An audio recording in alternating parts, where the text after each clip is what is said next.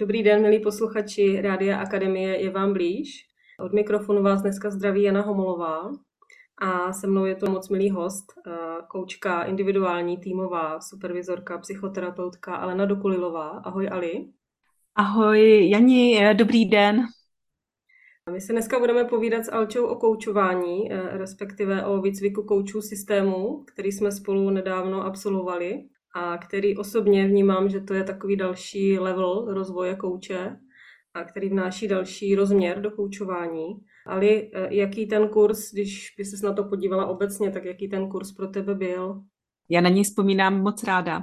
Byl skvělý a byl skvělý hlavně v tom, že uh, jsem tam měla příležitost poznat lidi, kteří přemýšlí hodně podobně a současně s těmi lidmi zažít uh, něco, eh, něco nového a něco se naučit. Tak to mě hodně bavilo, protože mám ráda, když můžu ty věci zažívat.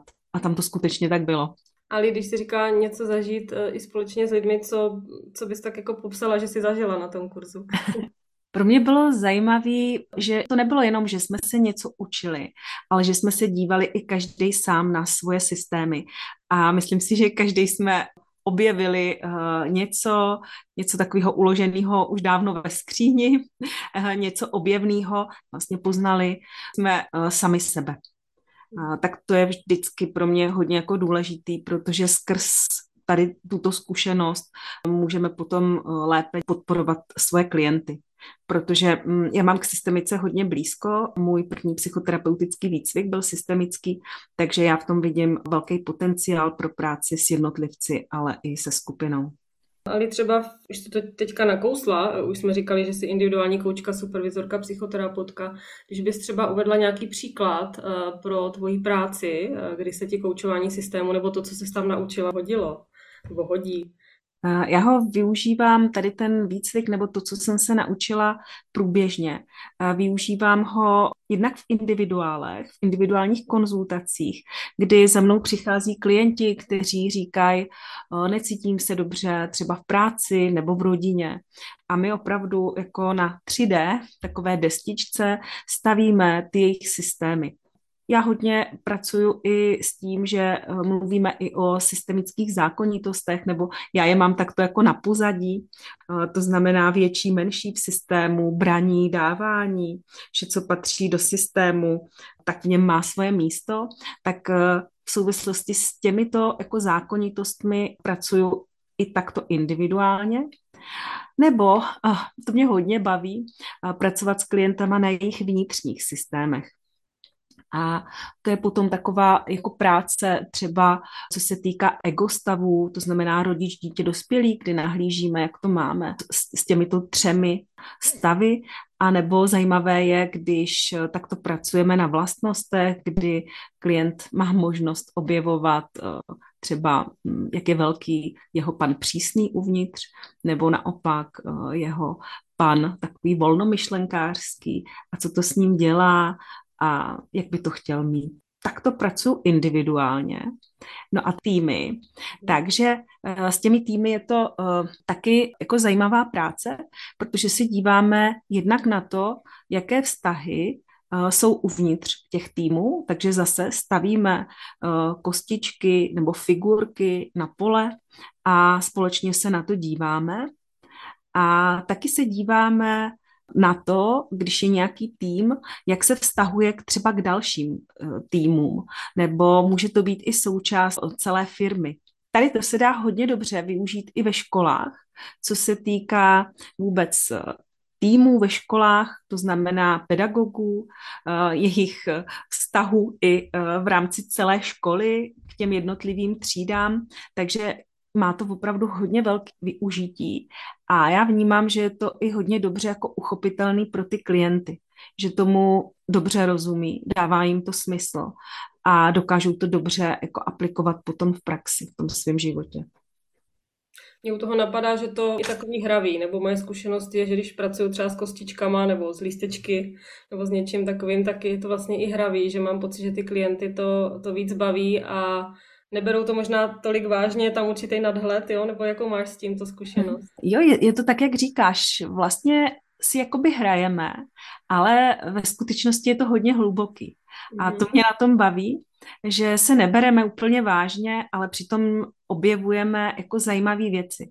Ono je to přínosný v tom, že když bychom na to šli příliš vážně, tak někdy můžou být klienti takový jako ostražití a, a mají různé jako bariéry, nedůvěry, ale když k tomu přistoupíme takhle velmi hravě, takovým objevným jako přístupem, tak uh, oni víc se do toho položí nejenom rozumově, ale i tím srdcem, prostě tak jako spontánně. A to je tady u toho velký benefit, kdy se trošku zboří jakási nějaká formální taková bariéra a opravdu si hrajem. Ale já se teďka vrátím ještě zpátky k tomu výcviku jako takovýmu, protože vím, že si prošla v akademii první, druhou spirálu kouče a pak jsme se vlastně potkali na koučování systému když by se spodívala na všechny ty tři výcviky, já to třeba hodně vidím, jako, že, že jde kouč po schodech, jo, ale každý má možná nějaký jiný obraz.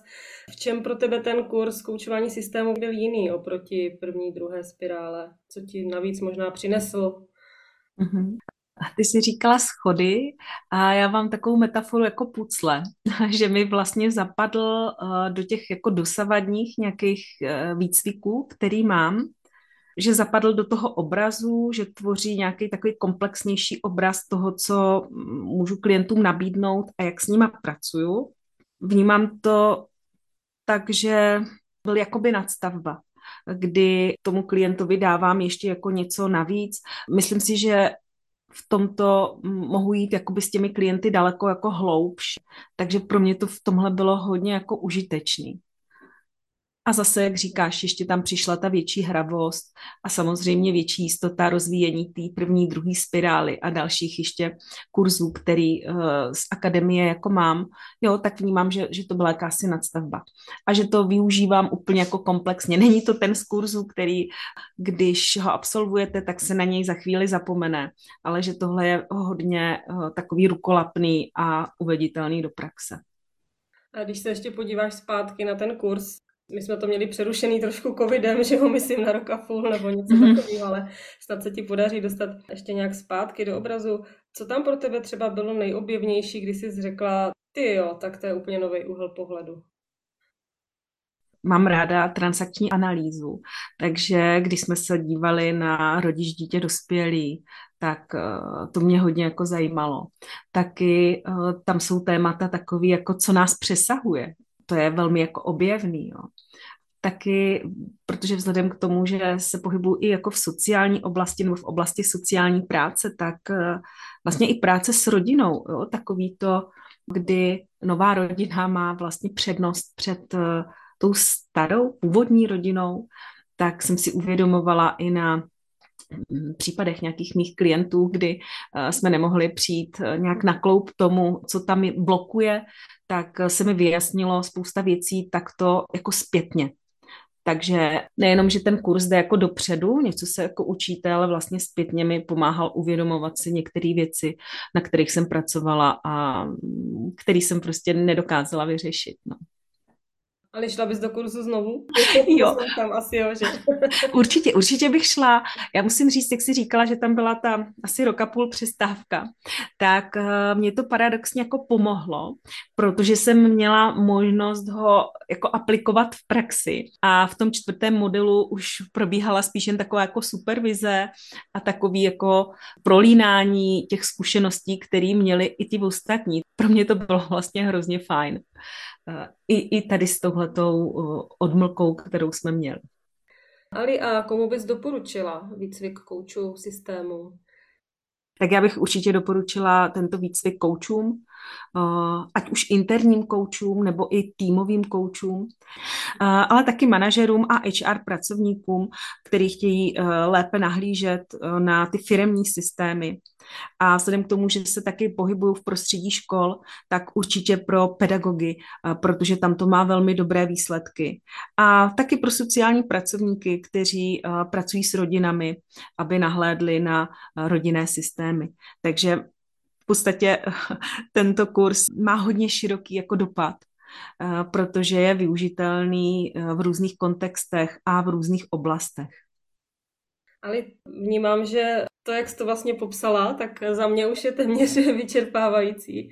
Tak jenom takovou ještě poslední otázku. Co bys ke kurzu ještě dodala, aby to nezapadlo?